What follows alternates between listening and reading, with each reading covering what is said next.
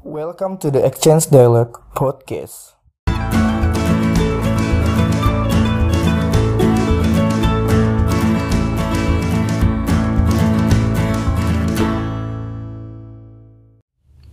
Podcast ini adalah tempat untuk berdiskusi. Di sini, kami akan membicarakan sebuah obrolan singkat dan padat yang dikemas dengan santai. Kami akan membahas tentang pekerjaan dan kegiatan sehari-hari. Thank you for listening Exchange Dialogue. Selamat mendengarkan.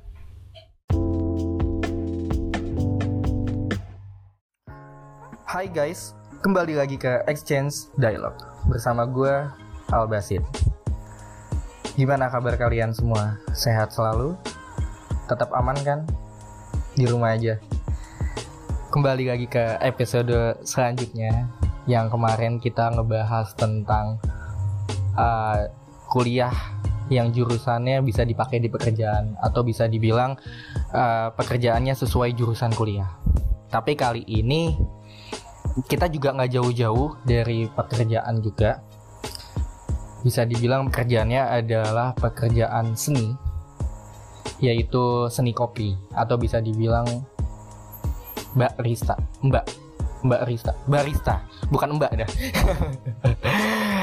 Kali ini gue bersama narasumber. Beliau seorang barista di ibu kota Jakarta. Umurnya masih muda, bisa dibilang kelapa, eh, kelapa dua, kepala dua. Uh, beliau bernama Ridwan Jalal. Untuk mengenal profilnya bisa langsung uh, ngobrol langsung. Kebetulan gue lagi sama dia.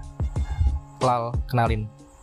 Halo, nama gue uh, Ridwan Jalal. Gue profesinya sebagai barista di daerah sekitar Jakarta Selatan, lebih tepatnya di Pejaten. Pejaten. Ini anak jaksel banget kayaknya ya. anak jaksel banget. Nah, ini gue manggil lu siapa nih anak ini? Jalal aja. Jalal. Lal, uh, coba uh, first impression boleh nggak sih gue minta cerita lu awal lu masuk dunia kopi itu seperti apa? Terus pengalaman tiba-tiba kenapa lu harus memilih jadi seorang barista itu gimana? Kalau pengalaman gue jadi barista sih gimana ya? Awalnya sih gue uh, tertarik aja gitu di dunia barista. Apalagi awal-awal itu seni di latte artnya. Gitu. Oke, okay, di latte art. Tapi sebelumnya gitu, misalnya uh, lu memulai karir di Jakarta itu bisa dibilang lu masuk langsung barista yang di dunia F&B atau lu pernah kerja yang uh, di luar pekerjaan seni?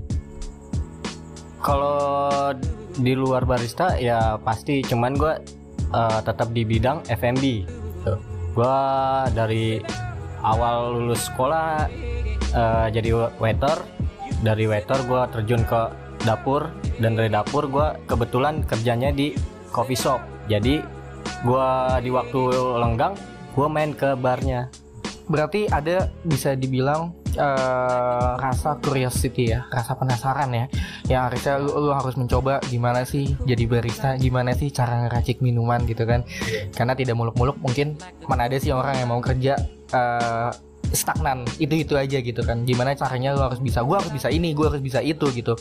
Ya multitasking lah. Atau bisa dibilang gue harus mencoba segala sesuatu. Even kalau misalnya lo cuman punya kemampuan di satu hal ya lo nggak punya planning lagi kalau misalnya ada sesuatu yang nggak uh, ke depannya masalah gitu kan. Tapi kalau misalnya lo bisa uh, ngeracik minum even pada saat lo jadi waiter lo bisa nge-backup ngeracik minumnya gitu. Dan pada akhirnya lo jadi seorang barista. Kayak gitu ya Oke, okay. uh, barista itu memulai dari tahun berapa? Dari tahun 2017 di awal bulan Januari. Di awal bulan Januari. Iya. Yeah. Oke. Okay. Terus uh, gimana pandangan lo seorang barista di Indonesia? Dalam arti uh, bisa maju nggak sih di, uh, profesi ini? Dalam arti uh, lo bisa meyakinkan gak sih ini adalah masa depan lo? Kalau dibilang sih bisa gitu. karena semakin ke sini itu uh, bidang kopi itu semakin berkembang dan semakin banyak terus menambah iya ya kalau kalau kalau gue perhatiin secara langsung dunia kopi ya dunia-dunia yang bisa dibilang millennials ya karena kalau gue rasa anak-anak kuliahan sekarang pun mereka banyak yang mau part time jadi barista atau jadi server gitu kan. Nah itu itu kenapa bisa seperti itu? Ini ada pergeseran mindset ya. Mungkin orang dulu merasa kayak udah gue kuliah kuliah aja gitu. Atau misalnya seandainya magang atau part time belum yang kayak sekarang gitu. Orang magang sekarang maunya ah kayaknya keren ya jadi barista. Wah kayaknya keren ya bikin kopi. Iya gak sih? Iya betul. Gitu. Karena Gimana? ya orang ngeliatnya sih ya barista tuh keren gitu bisa buat uh, gambar di minuman. Padahal aslinya. Susah banget. Susah susah banget ya. Oke oke oke.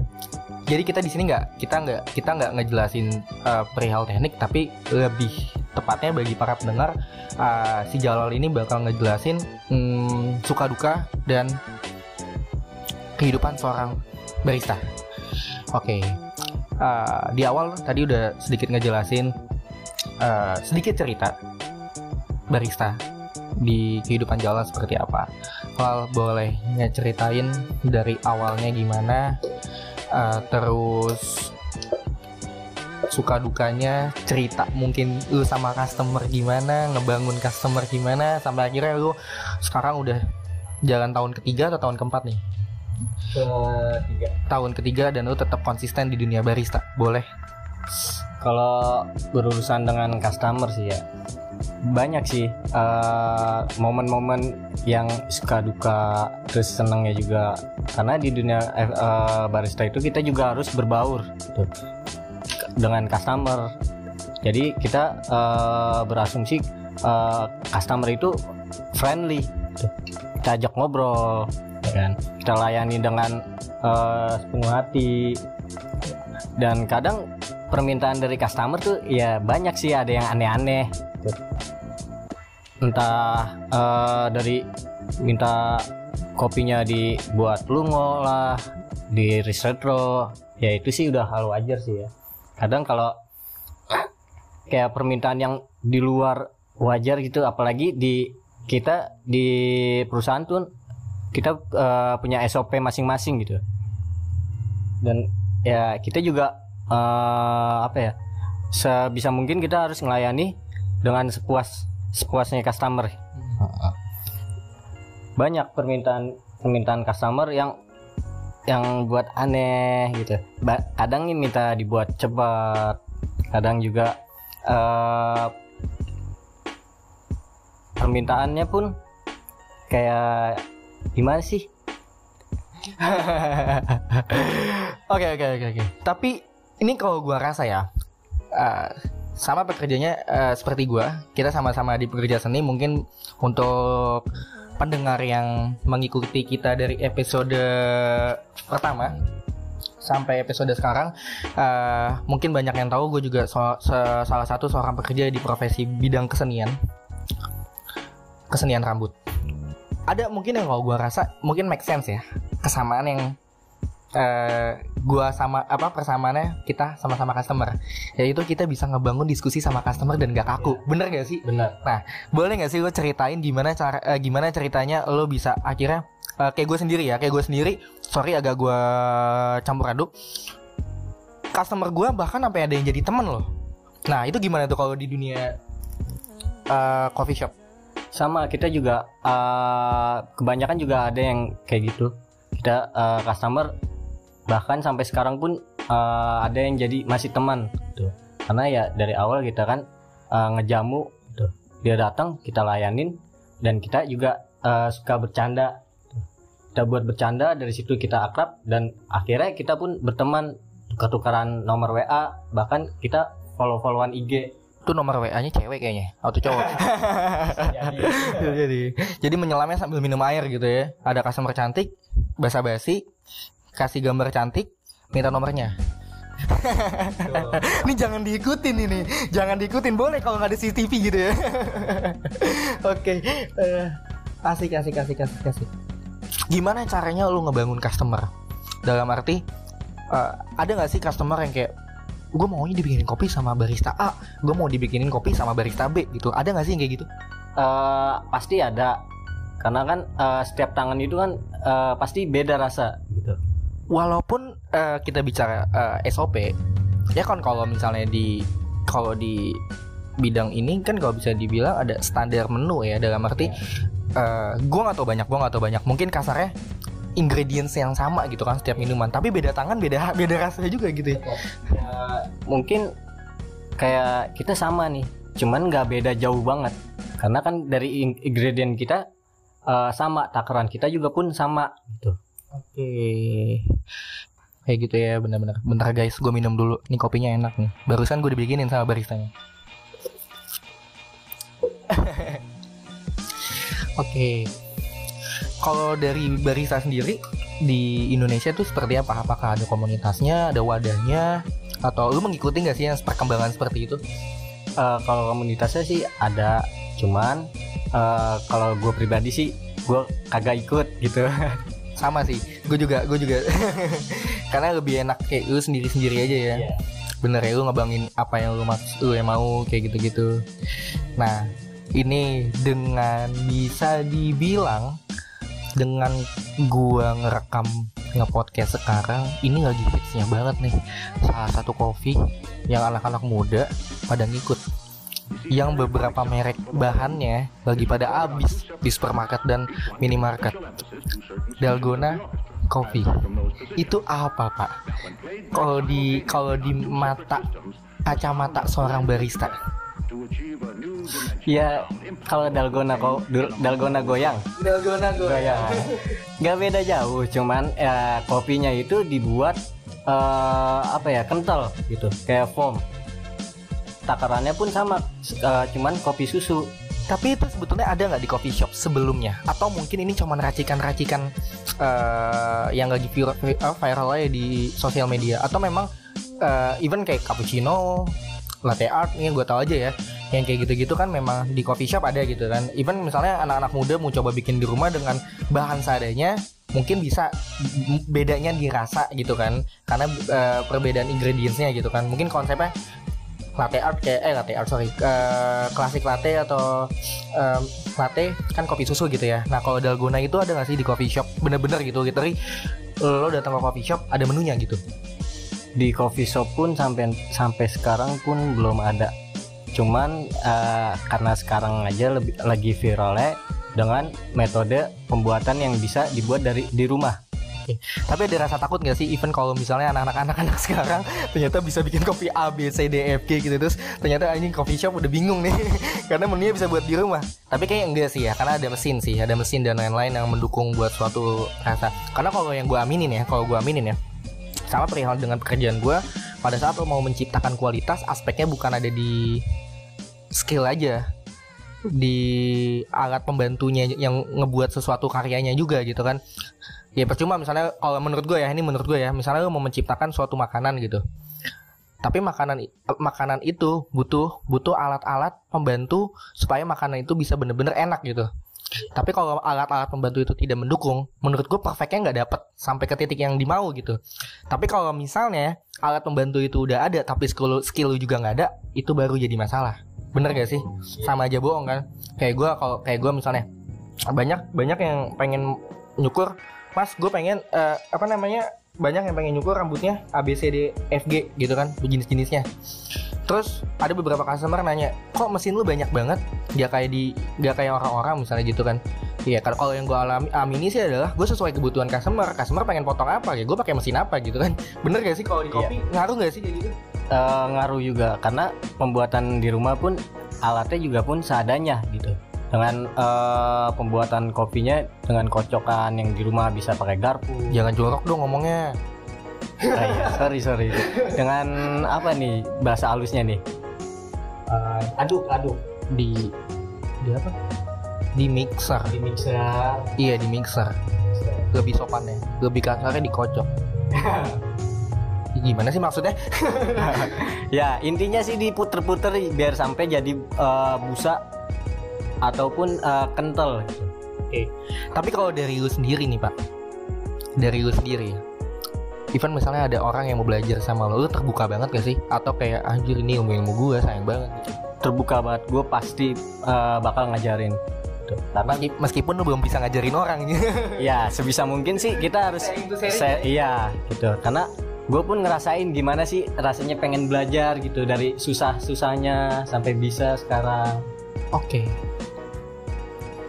Udah 14 menit dengan berdiskusi bersama si Ridwan Jalal. Ada hal yang ingin gue tanyain Lal sama Lal. Di beberapa coffee shop SOP itu udah pasti, udah konsisten. Ya. Dan skill barista mau masuk juga pastikan dites dulu. Ya. Ya kan? Ada nggak regulasi yang ngebatasin skill orang kayak lu mau jadi barista lu udah lu ada regulasinya dulu nih batasan dalam arti kayak misalnya gini kayak lu mau kerja di suatu kantoran ya lu harus ada ijazahnya dulu gitu. Ijazah buat meyakinkan bahwa lu emang punya ilmu gitu. Nah kalau di coffee shop gimana? Kalau di barista apa kayak lu cuma bisa bikin kopi ya udah lu kerja kerja aja. Atau ada regulasi yang sistematis sehingga lu ada lu ada validasinya gitu. Jadi kerja di mana pun even gampang kalau itu tergantung tempat sih pak. Perusahaan gitu. Karena eh, kalau perusahaan yang emang membutuhkan cepat biasanya dia membut eh, cari baris eh, cari orang baru yang berpengalaman gitu. Kalau misalkan tempatnya udah specialty gitu dan nggak butuh buru-buru juga dia bisa eh, cari yang non pengalaman Tapi kalau di Indonesia sendiri rata-rata, karena kan ini kalau kalau ini kalau pandangan gue ya nggak tahu ya mungkin ya, ini ini ini asumsi ya nggak tahu mungkin banyak pro kontra juga ya. Kalau menurut gue ya, ya mungkin lo bisa setuju atau enggak. Karena kalau menurut gue kayak pekerja kopi atau pekerja barber itu kayak butuh regulasi gitu, sehingga pada saat lo mau coffee shop mana ya rasanya oke gitu. Di luar signature ya. Kayak misalnya cappuccino latte yang lo cappuccino A cappuccino B gitu. Meskipun beda beans ya. Dalam arti maksudnya konsisten SOP-nya sama gitu kan. Kayak misalnya kayak nyukur lu mau nyukur di ada be- be- eh, misalnya ada barber yang punya cabang 5 gitu. Atau punya cabang 10 lu mau ke cabang mana pun hasilnya sama gitu. Di luar beda tangan ya. Maksudnya konsep konsep yang dimaksud sama gitu. Bukan bukan masalah gambar atau teknikal rasa gitu. Cuman maksudnya konsisten ya. Kalau itu eh, gimana ya? Kita dari perusahaan yang sama dengan pindah pindah outlet ya itu masih bisa gitu dengan eh, SOP yang sebelum-sebelumnya nih. Cuman kalau lu udah pindah perusahaan lain itu udah beda kopi lagi, beda mesin lagi, gitu, beda alat-alatnya. dan itu udah mempengaruhi Dan, semuanya ya, dan itu pasti otomatis semua bakal belajar ulang gitu dengan eh, ingredient yang beda lagi. oke berarti ini agak sulit ya Ya. Maksud gue gini loh. Kalau misalnya gue masuk ke beker- bekerja di be- be- eh, barber A terus gue pindah ke barber B atau gue pindah ke barber C ini pakai analogi aja ya karena kita sama-sama bekerja seni gue bingung analogi yang lain. Misalnya analogi gitu paling kan gue apa menyesuaikannya dengan budaya yang ada gitu kan. Oh ternyata barber di sini budayanya seperti ini loh dengan treatment A B C nya gitu. Oh kalau di eh, di barber ini treatmentnya seperti ini loh gitu kan. Nah kalau di coffee shop ternyata lu pindah perusahaan pindah brand lu belajar lagi gitu ya mengikuti semuanya gitu. Iya, mengikuti semua semua dari peng- pengolahannya, pembuatannya dengan eh, takarannya juga yang berbeda-beda gitu. Semua dari ulang. dan satu lagi kita bisa dibilang ada ada sektor yang benar-benar penting di dalam aspek kopi bahan yang dipakai karena beda merek beda rasa ya Iya. bener dong kayak kopi yang gue tahu ada arabica dan robusta di beberapa coffee shop misalnya pakai arabicanya berapa robustanya berapa di coffee shop lain beda lagi gitu kan jadi kita nggak bakal bisa sama ya Iya. Oke. Dengan lu menceritakan beda perusahaan belajar lagi. Udah berapa kali lu pindah tempat? Untuk di baristanya ya. Iya. Untuk di baristanya gue udah eh, tiga kali. Tiga kali. Dan tiga tiganya lu belajar lagi? Belajar lagi. sedikit experience sih menurut gua. Karena lu nggak pressure gimana caranya diri lu bisa menyesuaikan tempat baru dan mengupgrade diri lagi ya. Oh, iya bener sih ya. Terus kalau di pekerjaan lo sekarang gimana nih? Dalam arti lu punya jangkauan gak sih bahwa kayaknya gue bakal lama deh di sini buat maju gitu? Kemungkinan sih bisa. Karena eh, di sini pun kita eh, ada ros dari ada rosterinya dan kita juga selalu eh, training gitu dengan eh, trainernya. berarti bekerja sambil eh, belajar ya. Nah ini ya, ini yang menurut gua ada aspek yang penting gitu ya. Karena secara nggak langsung lu belajar secara gratis gitu. Bener gak sih kayak duit dan dapat duit nah. Iya. Ya, ini kapitalis parah loh. Oke oke oke keren keren. Terus gimana pandangan lo? Nih Barisa makin ngejamur. Anak-anak baru sekolah udah mau masuk. Menurut lo keren gak sih pekerjaan ini? Karena menurut gue semakin banyak orang semakin dipandang. Tapi semakin banyak orang semakin sulit tuh nyari kerja. Iya gak Iya, sih? iya benar kalau dibilang seneng sih seneng gitu jadi banyak orang yang eh, nyukai seni gitu dan ke sini sini banyak peminatnya ya secara nggak langsung kita pun kalau mencari pekerjaan pun susah gitu karena banyak dari peminatnya yang suka apalagi yang masih zaman sekolah pun eh, banyak gitu yang suka. Bahkan pun yang kuliah bis- eh, ingin part time di coffee shop juga dan mau jadi barista. Mau jadi barista. Bahkan kayaknya tidak menutup kemungkinan anak lulusan kuliah lulusnya malah jadi barista ya. eh sorry. Pada saat lulus kuliah kerjanya jadi barista nggak mengikuti jurusannya gitu kan. Oke keren loh sedikit sharing dari si Jala. Terus lu tinggal di Jakarta? Jakarta Selatan juga. Jaksel banget kerja di Jaksel. Tinggal di Jaksel. Jaksel lifestyle banget loh. So work from home. Ini lagi lagi giat-giatnya nih di ibu kota terutama. Karena kita sadar kondisi sekarang lagi kondisi bisa dibilang harus sulit ya karena kita bisa dibilang lagi physical distancing dan atau bisa dibilang social distancing. Ada pengaruh besar gak sih di dunia eh, F&B sangat besar sih dari penurunan omset belum lagi banyak yang eh, di PHK dan eh, banyak perusahaan juga yang meliburkan. Dari situ pun ya eh, kita dapat pemasukan pun sesuai dengan apa yang kita masuk gitu. Apa harapan lo untuk bekerja seni? Sebelum kita akhiri obrol obrolan singkat ini di Essence Dialog. Harapan gue sih so- eh, pengen selalu dunia coffee shop tuh selalu berkembang. Eh, kalau bisa sih jangan sampai mati. Tapi emang nggak bakal mati sih kopi. Iya. dan mungkin dari gue yang bukan anak yang ada di circle coffee shop harapan gue sih lebih dipandang secara sosial secara manusiawi Ya. dan dihargai Ya. iya nggak sih iya bener banget banget ya karena kalau gue rasa gue ikut senang karena pekerjaan barista ini sudah mulai banyak banget yang tadi kita bahas sama si Jalal kayak anak-anak kuliahan anak sekolah atau anak yang baru lulus kuliah dia malah pengen masuk jadi barista gitu. Berarti bisa dibilang barista ini adalah pekerjaan yang menjanjikan untuk masa depan gitu. Beda cerita sama kayak dulu gitu kan. Mungkin dulu ada cuman agak segmented kayaknya karena belum terlalu masuk pasarnya di Indonesia kan. Kalau sekarang kita ngelihat udah kayak warung gitu. Kalau kayak kita di Jaksel di misalnya di pusat kota eh di pusat di daerah eh, titik-titik eh, apa ya bisa dibilang public space ya. Kayak di Kemang, Cipete, terus Senopati dan lain-lain gitu kan. Tuh coffee shop kan depan coffee shop, pinggir coffee shop, sana coffee shop gitu kan. Akhirnya customer bingung nih gue mau ke mana nih? Iya gak sih? Oke. Kalimat terakhir dari lo sebelum kita penutupan Buat anak-anak yang mungkin pengen masuk dunia coffee shop Atau mungkin ragu arah hidupnya mau ke mana? Kalau gue sih berani mencoba karena kalau lu nggak coba lu belum tahu hasilnya. Lu coba dan selalu berusaha karena eh, semua pun butuh proses. Gue pun nge- ngerasain gimana prosesnya pahitnya gimana. Bahkan gue pernah pengen rasanya tuh nyerah gitu. Cuman eh, dari sisi lain kita pun mau berkembang gitu gak mau dong kita kayak gini-gini aja Oke.